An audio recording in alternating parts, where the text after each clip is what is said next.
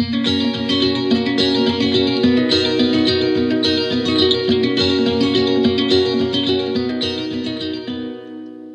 til Danske Bankers, podkasten for deg som vil vite hva som rører seg i markedet fra uke til uke. Mitt navn er Fredrik Ask Stensrud, og med meg som vanlig så har jeg vår sjefstrateg Christian Lie. Velkommen, Christian. Takk for det. Vi skal som vanlig gå gjennom de viktigste, viktigste hendelsene for denne uken, og også de viktigste hendelsene i neste uke. Men som vanlig så skal jeg ta noen fakta først, og denne uken her så syns jeg det var på sin plass å ha noen fakta om rentegapet. Eh, og rentegapet, det er jo da gapet mellom eh, tiårig og tre måneders statsrente eh, i statene. Og den er nå snudd til negativt terreng for første gang siden 2007.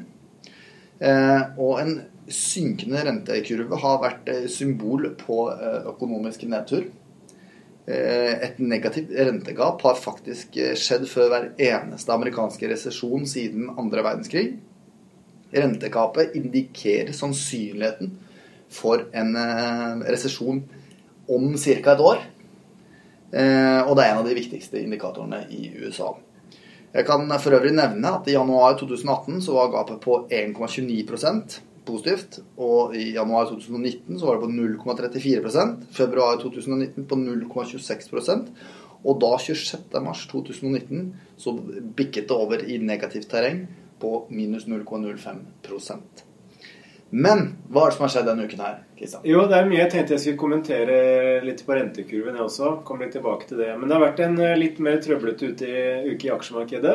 Og Det er tydelig at uh, aksjemarkedet står litt på vent uh, i påvente av nye drivere som kan trekke aksjemarkedet oppover. For vi har fortsatt bekymring rundt global økonomi. Vi har fortsatt en kaotisk brexit-situasjon.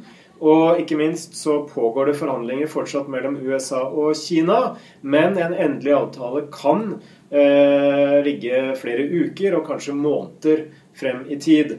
Og dermed så øker fokuset blant investorene på de underliggende fundamentale forholdene, som jo er de økonomiske utsiktene, og ikke minst eh, selskapsinntjeningen. Og på begge disse områdene så er det ganske stor usikkerhet, og det bidrar til at aksjemarkedet har stagnert eh, litt. Men eh, tilbake til dette med, med rentekurven. For det er jo helt riktig som du sier at eh, en negativ renteforskjell mellom korte og lange eh, statsrenter i USA har vært en veldig god indikator for resesjoner tilbake i tid. Og bruker vi da renteforskjellen mellom obligasjoner med ti års løpetid og tre måneders løpetid, det er den du refererte til, som nå er negativ for første gang siden 2007, eh, så har jo den også vært eh, en, en god indikator eh, historisk. Men vi er jo ikke helt der ennå at vi skal rope ulv, ulv eller varsko her, eller hva, hva det kalles. Fordi at han som identifiserte sammenhengen mellom rentekurven og resesjoner. Han sier det at eh, for at den skal være et resesjonssignal, så må rentekurven være invertert i hvert fall et kvartal. Og det har den jo ennå ikke vært. I tillegg så ser vi også flere andre argumenter som kan tale for at uh, 'this time is different'. Det er jo det mest farlige man kan si i finansmarkedene. Uh, blant annet at vi har en veldig lav realrente i USA. Det vil si at styringsrenten fratrukket inflasjon er på nivåer som er så lave som vi aldri har sett resesjoner på i historien i USA. Ehm, så det er én ting. Og det andre er jo at vi vet at sentralbankene har stimulert rentemarkeder slik at de lange rentene har vært lavere enn det de normalt skulle ha vært. Slik at veien ned til en negativ renteforskjell isolert sett har vært kortere nå enn tidligere. Men jeg skal ikke være den som sier at this time is different, fordi at vi har en invertert rentekurve. Dersom den vedvarer, så er det ingen tvil om at det får en del varsellamper til å blinke. Og det er nok litt av årsaken til at den amerikanske sentralbanken har blitt så livredd, som vi sier da på Hamar. Jeg tror livredd er jo noe man sier andre steder òg. Ja, jo, jeg tror det. Og har trukket litt tilbake de, de planene om å, å heve styringsrenten. Så vi tror ikke at rentekurven på en måte er farlig og et sånn eh, krisesignal ennå. Men det er én av flere ting som vi følger med på i forhold til å vurdere om vi er på vei ut av en eh, dump som er midlertidig i økonomien nå, eller om dette er starten på en litt mer vanskelig eh, og trøblete periode for amerikansk økonomi, men også for, eh, for verdensøkonomien generelt. Men har ikke det her bare altså Har det ikke faktisk blitt sånn nå at nå er forventningen om at vi kan få rentenedsettelser faktisk istedenfor økninger? Nettopp. Mm. Uh, og det er jo det økonomene tror for 2019, hvis man ser på det gjennomsnittet av økonomer tror for 2019 i USA, så forventes det fortsatt én renteheving.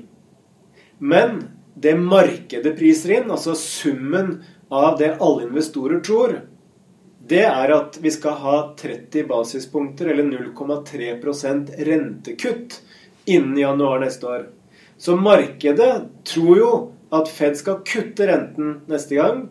Og det vil i så fall være et ganske markant vendepunkt fra det Fed har egentlig hatt planer om, nemlig å normalisere pengepolitikken. Her er det rom for noen negative overraskelser, med andre ord. Ja, og så er spørsmålet da, hvis Fed skulle kutte renten, enten pga. frykt for en økonomisk nedtur, trøbbel i finansmarkedene eller fordi inflasjonen er for lav, så spørs det jo hvordan finansmarkedene vil respondere på det. fordi vi vet jo at historisk så har jo rentekutt egentlig vært positivt for finansmarkedene. Men hvis man kutter i renten fordi man er livredd for en økonomisk nedtur, mm.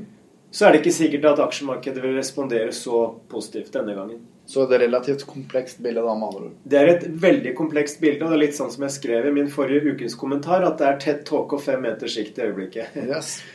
Eh, det siste jeg tenkte jeg skulle si litt om i dag, er jo hva er det som faktisk må klaffe for at vi unngår en økonomisk krise i 2019.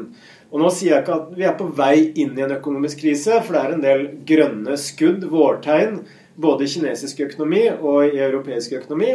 Og amerikansk økonomi går jo fortsatt veldig bra, vi må kunne si det.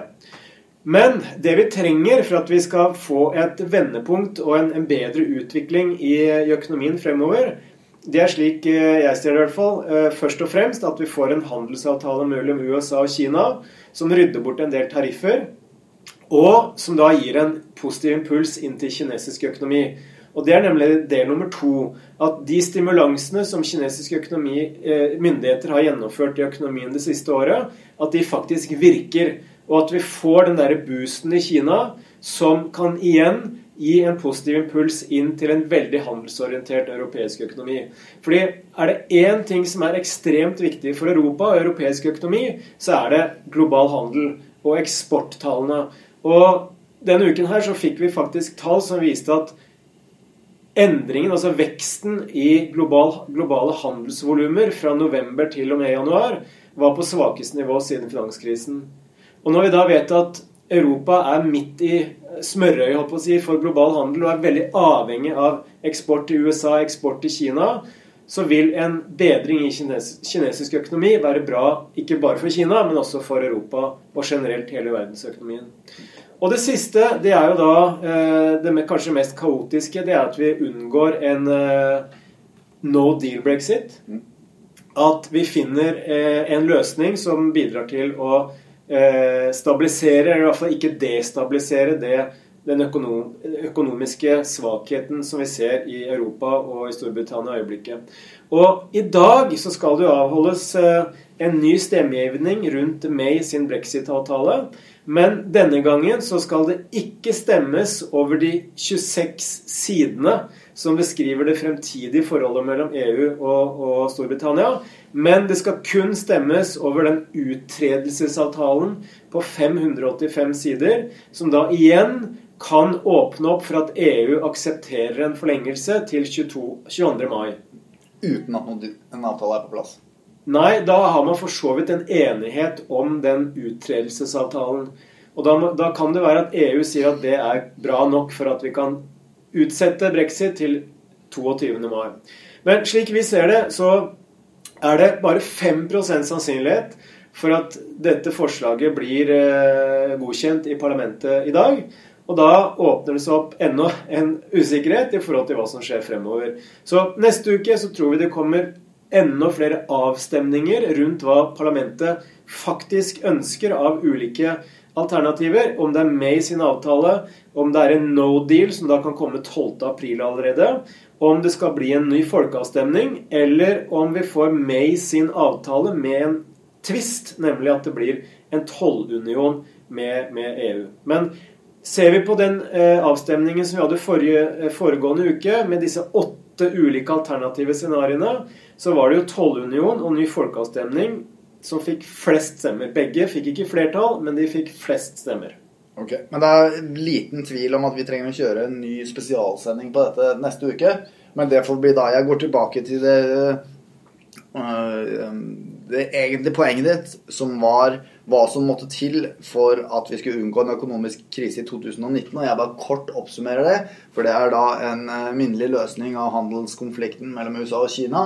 Det var økonomiske stimuli i Kina som faktisk fungerer, og hvilken smitteeffekt det har på global handel, og da også Europa. Og så var det siste da at vi ikke får en beinhard øh, brexit.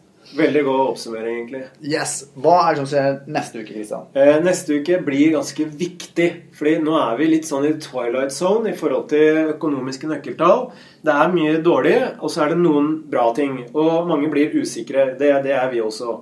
Men neste uke så får vi bl.a. nye såkalte PMI-er fra eurosonen. Det er disse innkjøpssjefsindeksene som har vært veldig svake i eurosonen i lang tid. Mandag klokka ti får vi for eurosonen samlet sett.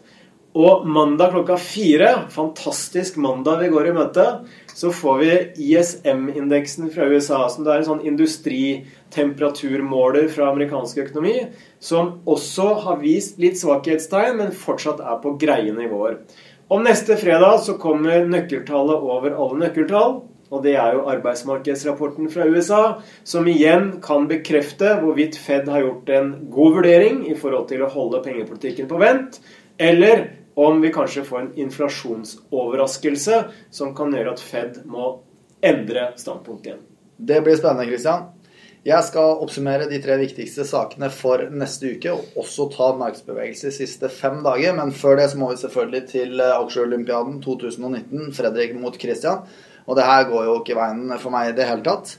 Eh, nå etter eh, da 13 uker så er jeg ned 0,4% og du er opp 7% Christian. Forrige uke så tok du en short posisjon i Norge. Den eh, dro du med deg 2,5% avkastning på.